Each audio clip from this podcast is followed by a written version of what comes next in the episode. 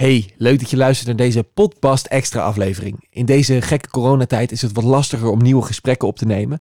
Maar ik heb nog wat materiaal wat de uitzendingen niet heeft gehaald en wat wel leuk is om je te laten horen.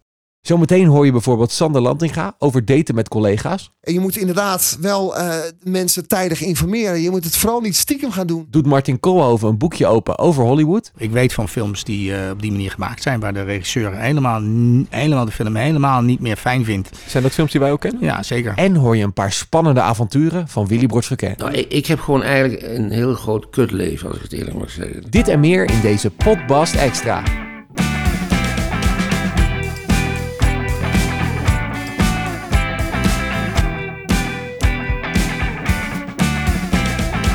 Het idee voor de podcast begon ongeveer twee jaar geleden. Ik was bezig met mijn afstudeeronderzoek naar podcasting en ik dacht, goh, wat zou het leuk zijn om er zelf ook een te gaan maken.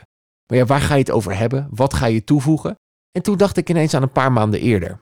Ik was bij Paul van Gorkum thuis, we zaten in de tuin en we hadden het over zijn professionele leven. We dronken appelsap uit wijnglazen en ik stelde alle vragen over zijn carrière. Hoe is hij begonnen? Hoe deelde hij met kritiek? Wat waren de dingen waar hij tegenaan liep toen hij begon? Eigenlijk alle vragen waar ik zelf als jonge carrièremaker mee zat. En ik heb uit dat gesprek met Paul heel veel geleerd. En hoe mooi zou het nou zijn, dacht ik, als ik deze lessen niet alleen voor mezelf hou, maar ook met jou kan gaan delen. Ik wilde vijf gesprekken gaan maken, waaronder eentje met Paul van Gorkum. En we zitten er inmiddels op 22. En de eerste twee fragmenten die ik je nu wil laten horen, zijn dus ook uit het gesprek met Paul. Want hoe kun je bijvoorbeeld goed inleven in een rol? Als, als, als de regisseur dus zegt van, ik zeg nog maar iets, dan kom jij van die trap af. En dan denk ik, ja, dat doe ik wel, maar dan kan ik beter aan de linkerkant van die trap lopen, want dan komt het beter uit in de... Ik, ik bouw op mijn manier mee, soms te veel, soms te weinig. Maar als je te veel doet in de repetities, kan de regisseur het eraf halen. Doe je te weinig, is het heel moeilijk om het er bij te krijgen.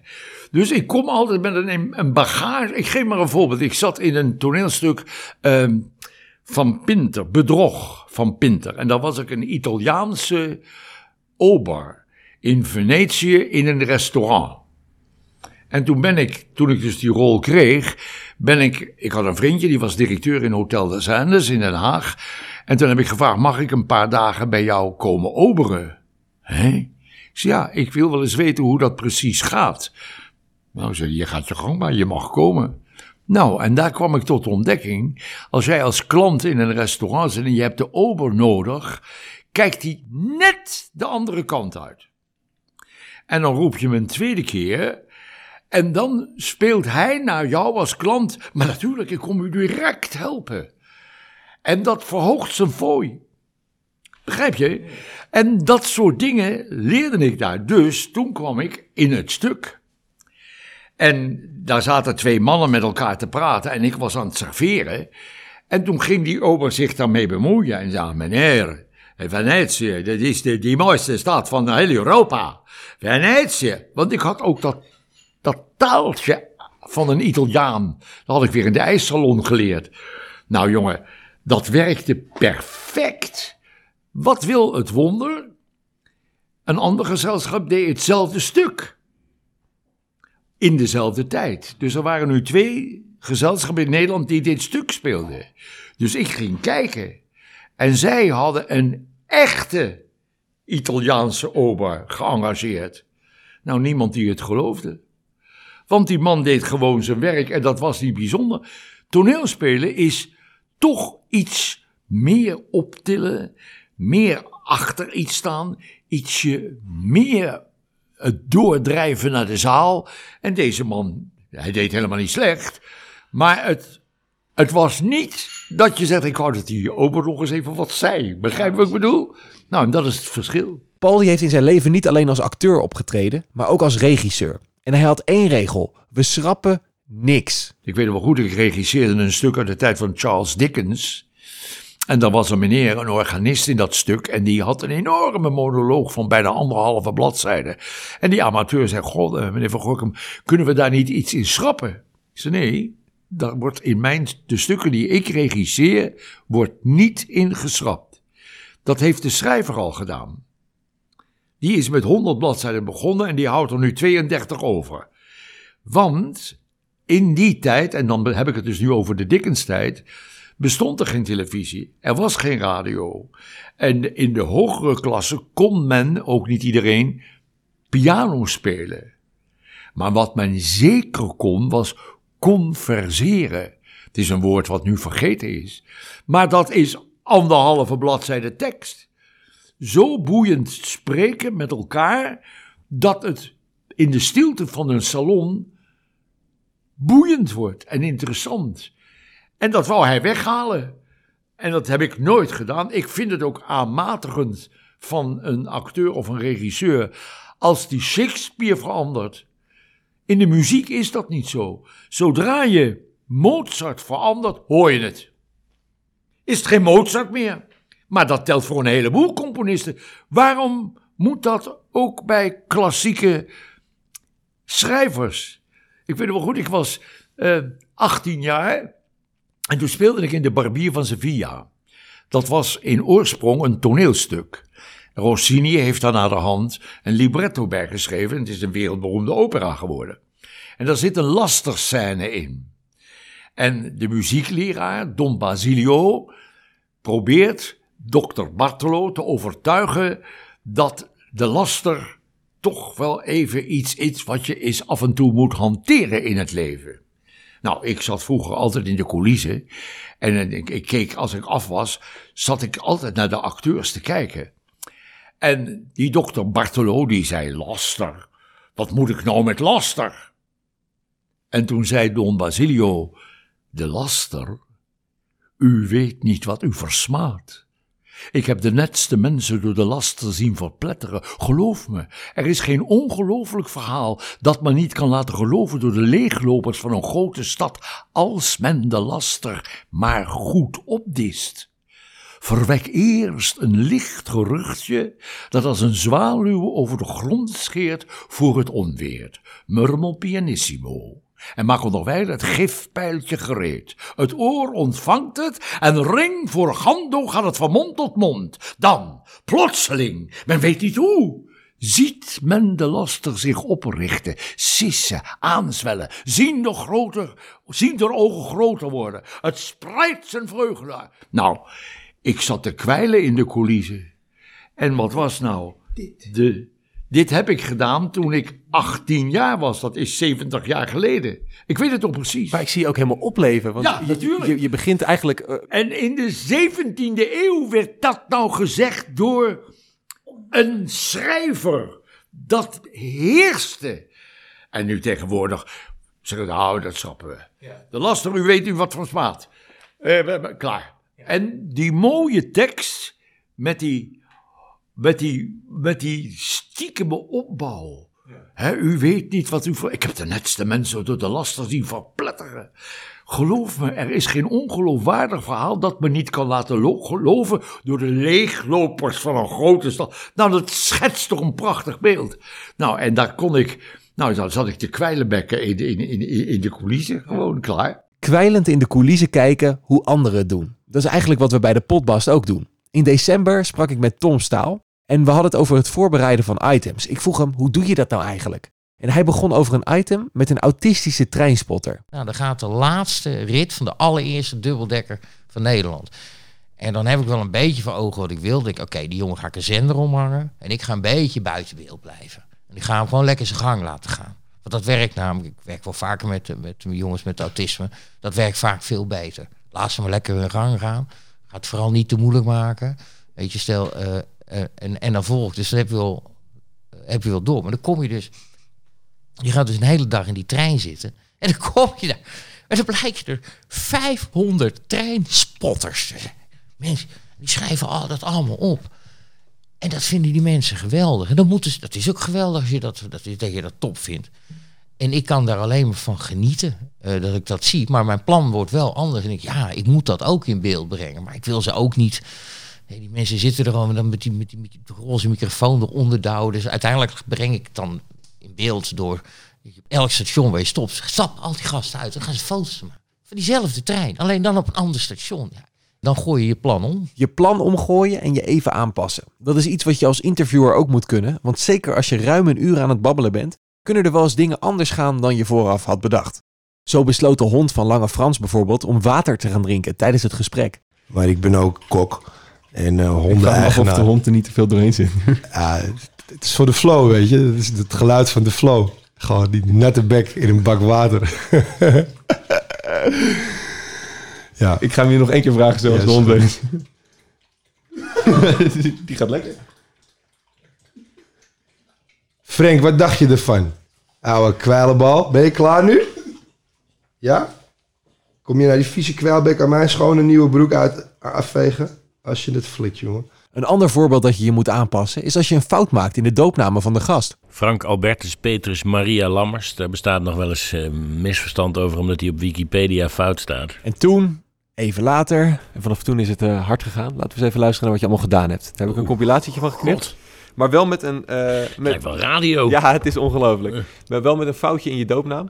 In je doopnaam. Gerardus heb je erin staan, hè? Ja, ja, ja, en dit mag je er niet uitknippen. En tijdens de opnames met filmregisseur Martin Koolhoven was ik vergeten de microfoon aan te zetten terwijl we de promofilmpjes aan het schieten waren. En dat dat juist bij een filmregisseur moet gebeuren. Nou, ik besloot het zo op te lossen. Je kan hem bijvoorbeeld nasynchroniseren.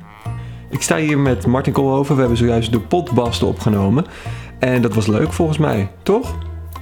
Ja, of je zou hem kunnen ondertitelen. En je zou natuurlijk ook nog kunnen vragen of Martin zelf nog een filmpje wil opnemen. Eh, hallo, dit is Martin Koolhoven. Ik ben filmmaker en ik was in de potbast. Ja, het is natuurlijk wel gek om iets met beeld te laten horen in een podcast. Maar als je op YouTube zoekt op Podbast, vind je alle gesprekken ook met beeld. Nou, dan weet je dat in ieder geval. Terug naar het gesprek met Martin Koolhoven. Daar ging het verrassend genoeg ook over films. En hij vertelde me dat hij Hollywood echt een klote systeem vindt. Want daar worden ook regisseurs van films afgegooid. Ja, en dat continu. Eigenlijk bij- eh, eh, eh, zo vaak dat we dat niet eens horen. Sterker nog, dat is, dat is, dat is geïnstitutionaliseerd. Ja. Je krijgt tien weken om, eh, om, eh, om je, wat ze dan noemen, director's cut te maken. Dan staat volledig de studio, als het een studiofilm is, staat dan volledig in zijn recht om jou eraf te gooien. Of de editor eraf te gooien, of allebei eraf te gooien. Ja. En eh, dan mogen zij die film afmaken, dan mogen ze erbij draaien, mogen ze allemaal doen. En dan Ja. mag jij daar niks van zeggen. Dan moet je gewoon nog op de première komen en lachen ook nog. Wauw. En dat gebeurt dus heel veel. Ik weet van films die eh, op die manier gemaakt zijn, waar de regisseur helemaal, helemaal de film helemaal niet meer fijn vindt. Zijn dat films die wij ook kennen? Ja, zeker. Ja. Ja, dat weet ik omdat ik mensen ken die in Hollywood eh, Ja. werken. Die daar eh, eh, of camera doen of muziek doen. Of, Ja. weet je wel. Dus, ja. Ja, want volgens mij, tenminste, ik merkte dat bij Venom. Heb je die gezien of niet? Venom die... Heb ik niet gezien, Nee. nee. Maar dat, daar, daar, dat is ook een... nou ja, die, die, bij die... bij, bij die superheldenfilms zijn, het, zijn de regisseurs van... Niet allemaal, maar heel veel zijn behoorlijk inwisselbaar. Ja. Die worden er ook gewoon zo afgeflikkerd. Ja, het gaat om het eindproduct en cashje. Ja. eigenlijk. Ja. En dat was waarom Venom bijvoorbeeld, dat is nou ja, een, een super gewelddadig monster uit de Ja. Spider-Man-universe. Ja. En dit moest 12 plus zijn. Ja. Dus alle moordscènes zijn eruit gehaald. Ja, nou ja, ik, de, de vraag is gewoon wanneer... Kijk, als ik... ik ik, ik snap het ook wel. Als jij gewoon eh, 150 miljoen uitgeeft, dan wil je die graag terug hebben. Ja. En eh, eh, eh, als jij van tevoren zegt hij moet 12 plus zijn, Ja. Ja, dan, eh, dan, dan snap ik dat je daar een regisseur aan houdt. Weet je Ja. wel? Ik bedoel, eh, dat, dat, dat is één. Maar bijvoorbeeld, om noem eens iets. ehm, hoe heet het ook weer met dat ze met, ehm, just nee niet ehm, iets met de league of zo, zo soort Justice League? nee die andere die weet je dat al die bad guys Suicide Squad. Suicide Squad. Eh, ze hadden toen net dat, eh, eh, eh, volgens mij Batman vs Superman gehad. En Ja. dat was, ook al had hij heel veel geld verdiend, er was, er was een behoorlijke backlash dat die film Ja. niet goed zou zijn. En die film die verdiende maar 900 mil- miljoen. Ze hadden meer verwacht. Ze hadden verwacht Ja. dat hij vet over het miljard heen ging. Er zijn dagen dat je minder verdient. Ja, precies. En, en, toen, en toen kwam net Dead, Deadpool? Deadpool. En die, was, die deed veel beter dan verwacht. En daar zat heel veel humor in. Dus toen moest, eh, eh, ten eerste zijn toen, eh, het eerste wat ze deden waren alle, hoe heet het, de, de, de trailers en zo, die gingen heel erg op de humor gesneden worden. Maar ze hebben toen ook, weet ik veel, 20 miljoen of zo erbij gehaald om, om gewoon die film grappiger te maken. Dus er moesten gewoon eh, een heleboel scènes moesten eruit en andere moesten erin. Het moest grappiger, want Ja. dat was de oplossing. Nou ja, ik weet niet hoe die film was eh, voordat eh, ze dit, maar uiteindelijk is het toch een beetje een rommeltje geworden. En dat, en dat zou goed kunnen dat, dat, dat, dat die film beter was. Ja. Voordat ze bedacht hadden, want ze, ja, ze rennen altijd achter wat het, la, wat het snoepje van, van die week is. Dan, Maar als regisseur word je daarop aangekeken. ja. Ja, nou ja, ik bedoel, eh, eh, ik weet niet eh, hoe, hoe dat binnen dat systeem, eh, binnen hoe dat daar is als, als studio weet wat jouw schuld. Maar ja, het is natuurlijk altijd zonder bokken als het. eh, Ja. ja. Bij de potbas stel ik vaak de vraag: hoe doe jij het nou eigenlijk? En dat is een vraag die ik zelf ook vaak binnenkrijg. Dus bij deze een paar antwoorden op vragen die ik afgelopen weken heb binnengehad. Een van de meest gestelde vragen is: hoe regel jij je gasten nou eigenlijk? Eigenlijk zou ik hier heel makkelijk op kunnen zeggen: ik bel ze. Maar ja, hoe kom je aan die nummers? Hoe regel je dat dan? Eh, het begon voor mij allemaal tien jaar geleden bij de lokale omroep. Eh, ik maakte een programma en daar was ik constant bezig met mensen uitnodigen. En op die manier leer je mensen kennen. En in de afgelopen jaren in de media eh, heb ik natuurlijk ook veel mensen leren kennen. En op die manier bouw je een netwerk op. Ik hoorde het Frans Duits zeggen in de Van de Planken podcast. Hij zei: Het maakt niet uit wie je bent, het maakt uit wie je kent. En dat is eigenlijk precies wat het is. Ook een van de eerste lessen die op de school voor journalistiek werd geleerd. Je netwerk is heel belangrijk. Een andere vraag die ik vaak krijg is: wie is nou precies je favoriete gast? Nou, dat ligt compleet aan het moment van de dag. Dat ligt compleet aan de mood waar ik in zit. Of aan de les die ik nodig heb. Tijdens het voorbereiden van deze Potbast Extra ben ik bijvoorbeeld Willy Broert Verken weer heel erg gaan waarderen. Dus er is niet echt een eenduidig antwoord op te geven.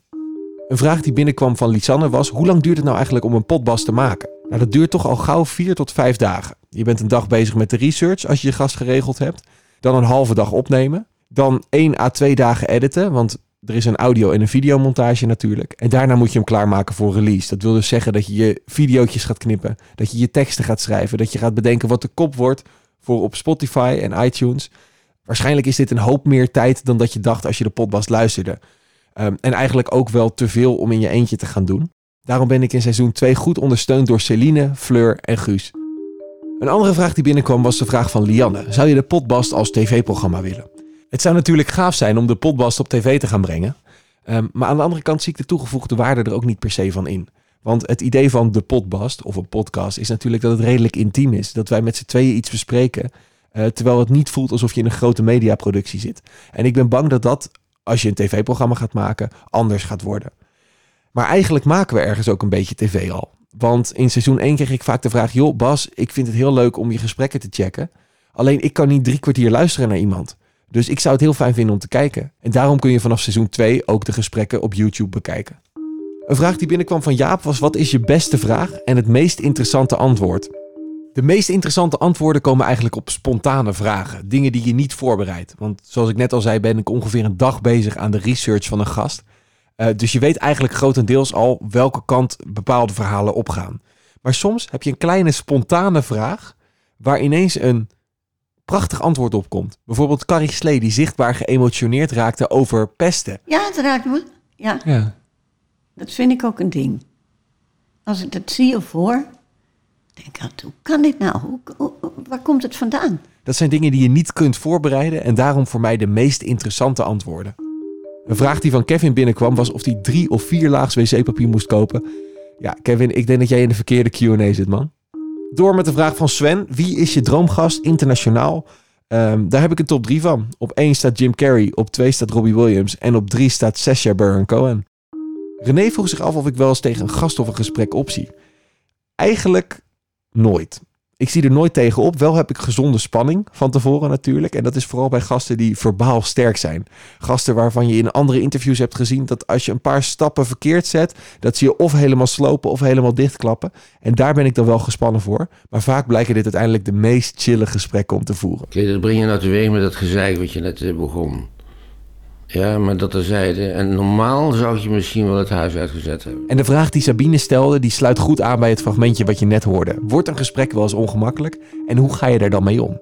Ja, een gesprek wordt wel eens ongemakkelijk. Bijvoorbeeld het fragment wat je net hoorde met Willy Broert Frequin. Daar had ik iets in mijn voorstelstukje zitten waar hij niet helemaal mee eens was.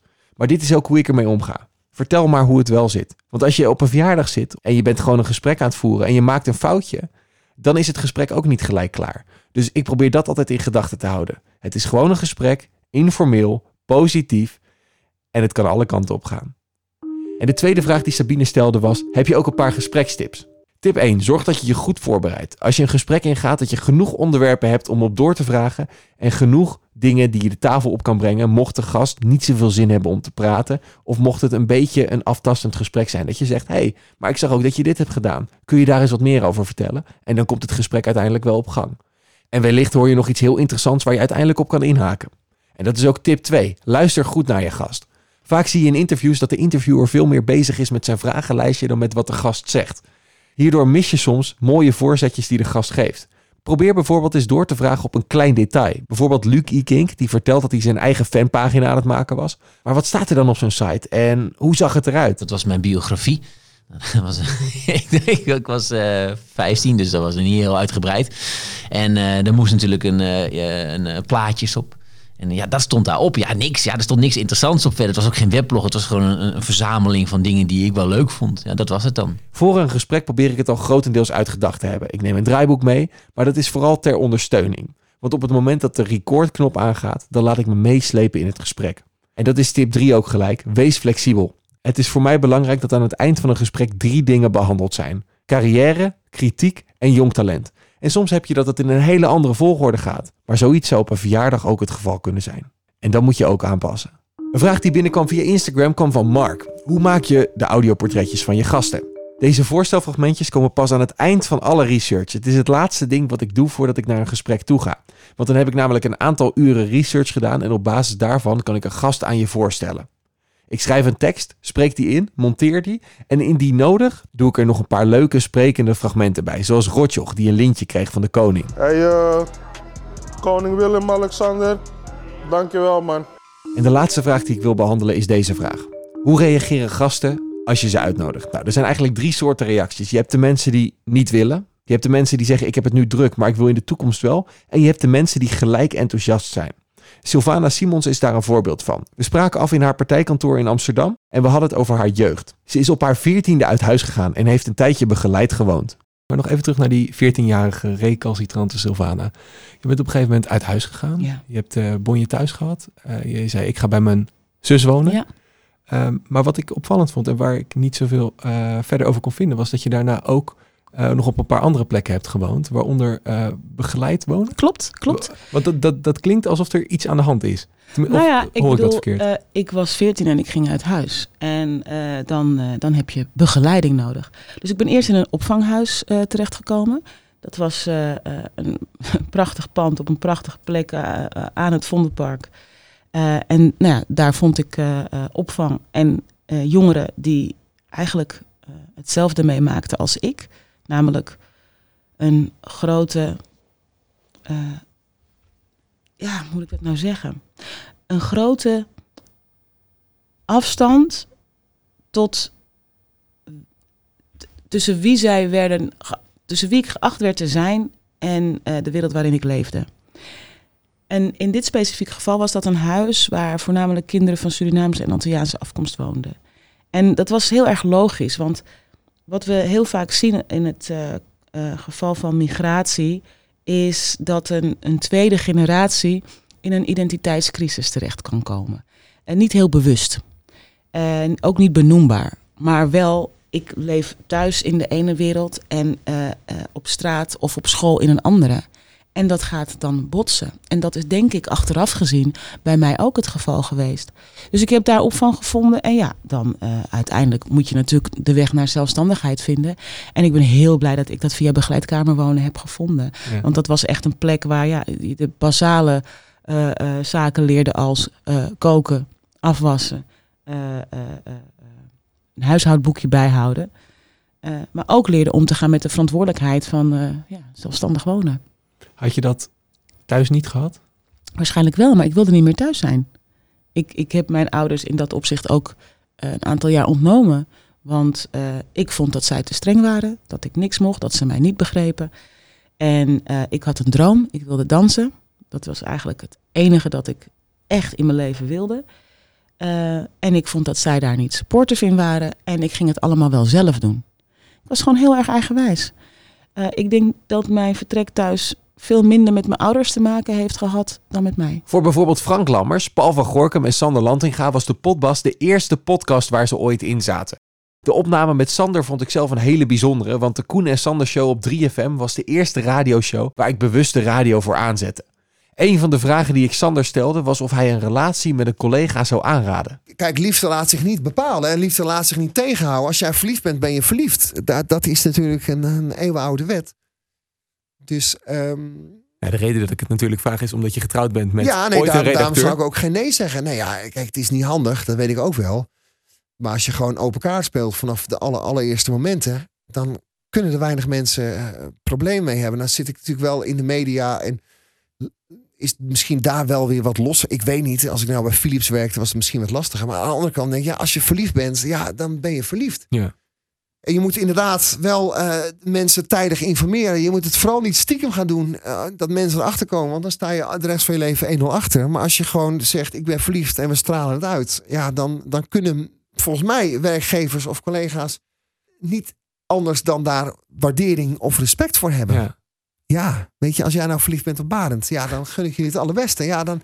Het zorgt af en toe wel voor verwarring. Het was geen persoonlijk interesse hoor. Ja, het was wel persoonlijk interesse, maar geen persoonlijke kwestie. Nee, ja, nee, het is, eh, het, is, het is niet handig. Dat ben ik met je eens. Maar nogmaals, als jij verliefd bent, dan ben je verliefd. Ja. En het- laat ik het zo zeggen, het zou, eh, eh, het zou de romantiek en de liefde geen goede dienst bewijzen als jij je verliefdheid zou parkeren omdat je een collega leuk vindt. Of dat je op een- je baan zo belangrijk. Laat, laat ik het zo zeggen, wat mij betreft, prevaleert liefde altijd boven eh, werk. Maar uiteindelijk is Tessel, je vrouw, ook de baas geworden bij BNN. Ja. De, de radiobaas voor Ja. 3FM. Ja. Dus ook de baas over jou uiteindelijk weer. Ook de baas over mij, ja.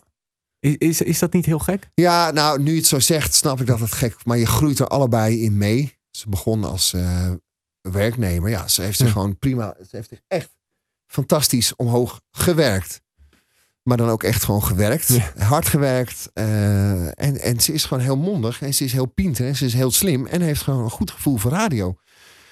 Dus ehm, zij heeft ook bij 3FM een naar de andere succesvolle, programma geprogrammeerd op 3FM. En dat is allemaal haar verdiensten. Waaronder dus ook de Koen en Sander Show heel goed begeleid. Dus, ehm, maar, ze was bij- uiteindelijk mijn baas. Ja, dat, dat, dat, ja, kijk, het gekke is, BNN was een, een kleine, leuke, jeugdige club. Met een clubhuis, dat was het omroepgebouw. En daar gebeurden dit soort dingen. En ik geloof niet dat bij BNN ook maar iemand dat raar vond of Nee. zo. Niet dat ze dachten van, oh, Sander krijgt betere plekken omdat ze een vriendin... Nee, want ik zat al in de middag. Dus dat was Ah, wel al het geval. Zij heeft ons niet op de middag gezet. Nee, nee. Ehm, dat zou misschien nog wel... Maar dan zou ik ook snappen als mensen dat... Maar ja, aan de andere kant, nogmaals... We hebben altijd, daar, of altijd open gecommuniceerd... er nooit een probleem van gemaakt. Nee. Dus ehm, laat ik het zo zeggen... Ik zou nu raar opkijken als mensen daar nog steeds... of achteraf toch een probleem mee hebben gehad. Ja.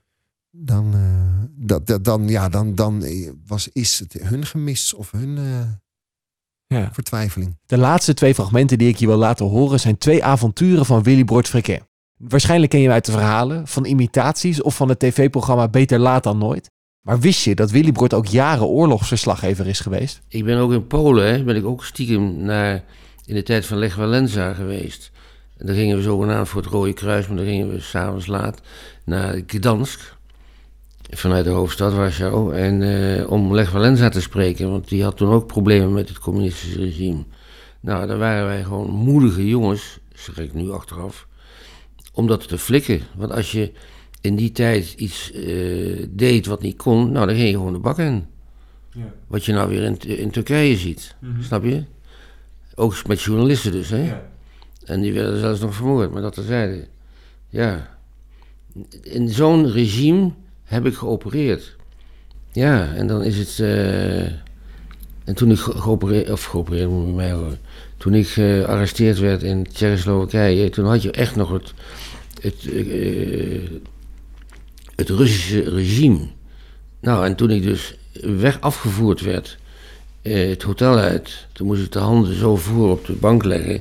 En ik denk, ik probeer het even, ik ging even zo. Nou, gelijk werd ik va- vastgepakt. En, dan- kom je dus. Ik keek waar ik naartoe ging, maar ja, op een gegeven moment ben je de weg kwijt natuurlijk. En dan kom je dus in gebouwen met allemaal gangen en van die, van die echt die, die politiedingen. eh, mensen met die dikke koppen uit die Gabin films. En dan zit je in een klein kamertje en dan word je ondervraagd. Nou, niemand weet dat je daar bent. Zal iemand het straks wel we- te weten komen? Kom ik hieruit? Eh als ik eh, eh, word ik afgevoerd naar Siberië of krijg ik 20 jaar cel. Dus dan zit je met enorm zweet in je, in je aan natuurlijk. En waar is mijn kamerman? Heeft hij het land kunnen verlaten of niet?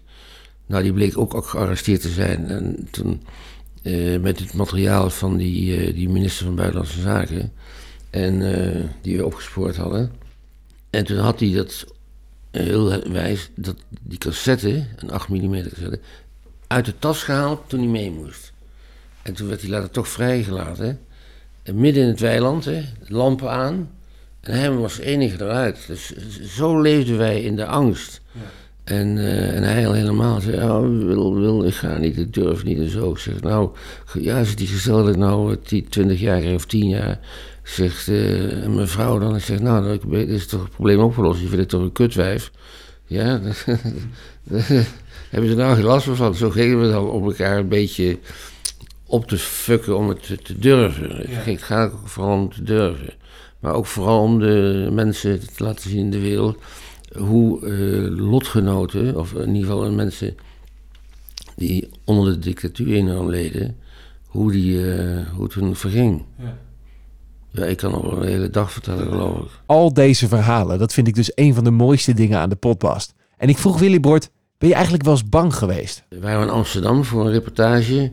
En er was een van onze mensen in, in de auto was aangevallen met een pistool. En eh, en die kreeg toen zo'n lel hier met vijf, zes hechtingen. Ja, wat moet je dan? Wat moet je dan? Nou, de KRO wilde dat ik aangaf bij de politie. Nou, gedaan. En toen zeg ik, maak even een shotje hier van het café. eh, dat wij hier gezeten hebben, want er was een andere ploeg gekomen. Nou, fijn. En wat blijkt nou? Komt dus, wat ik niet wist, Willem Holleder eruit. En die geeft die cameraman wel zijn hersens. En ik zeg tegen hem, wat moet je, hier, godverdomme, blijf met je poten van mijn camera af. Nou, ik kreeg ook nog een lel. Maar ik kon nog een beetje bukken. En, eh, en er stond, in de hoek stond er een man zo te kijken. Ik zeg, maak hem ook nog even. En dan bleek Etienne U te zijn. Nou, en eh, s'avonds word ik opgebeld door Theo Heuft van eh, Jap Jum, een beroemde man. En die zei, Wil, doe al het materiaal weg, want ze zoeken je. En ze zijn in staat om je te vermoorden. Doe dat nou. Ik zei, ja joh, flikker de klok aan mij die gasten nog schelen. En, eh, nou... En s'nachts werd het... we hadden zo'n huis met zo'n zo'n dak waar je de auto onder kon zetten. En daar hebben ze toen twee, twee auto's in de fik gestoken. Met allemaal hout erbij en zo. Echt helemaal geen angst, want hoe je het vertelt... Nee, nou nee. Ik heb nooit echt angst gekend. Ik heb ook in Zuid-Amerika kwam er een vent en die stond ineens met een pistool tegenover me. Ik keek hem zo aan. Ja, in de nacht, hè. Mhm. Ik denk, nou ja, als ik nou ga vechten met hem, dan win ik dat nooit. Dan zei ik, oké, sir, please, go. Ga je gang, ga je gang. Ja. En toen had, ik, had hij een heel mooi wijf bij zich. En dan ging ik met die vrouw praten. En daardoor ont, ja, werd er ineens een totaal andere sfeer gecreëerd. En toen zaten jullie je never te drinken laten. Nou, toen niet. want Toen ben ik me gauw weggegaan. En met dit verhaal van Willy Verkeer komt de Potbast extra aflevering tot een einde. Binnenkort komen er veel nieuwe gesprekken aan, dus abonneer je alvast via je favoriete streamingsdienst. Waarom zit ik eigenlijk zo moeilijk te doen? Ik heb al 22 afkondigingen. Nou, dames en heren, ik word nu eh, verplicht om even iets te zeggen. Lieve mensen. En het was rotjoch, door je speakers, niet op je beeldscherm. Als je dit een interessante podcast vond, Geef hem dan 5 sterren in iTunes. Daar moet je dan niet op een duimpje klikken. Eh, je moet je er denk ik wel op abonneren of niet. Wel op abonneren en je moet hier dan een recensie achterlaten. Of deel de podcast met je vrienden. Op die manier krijgen meer mensen de podcast te horen. Als je het geen leuke podcast vond, dan eh, moet je je computer gewoon even uitzetten nu. Als je in je Instagram story zet Dat je deze podcast luistert en je tagt Apenstaartje, de radio, meneer. Dan maak je kans op een Potbast sticker. Je mag de mijne ook hebben hoor. Dit was de tekst die ik kreeg. Ik kan me er alleen maar bij aansluiten. Tot de volgende podcast. De groeten.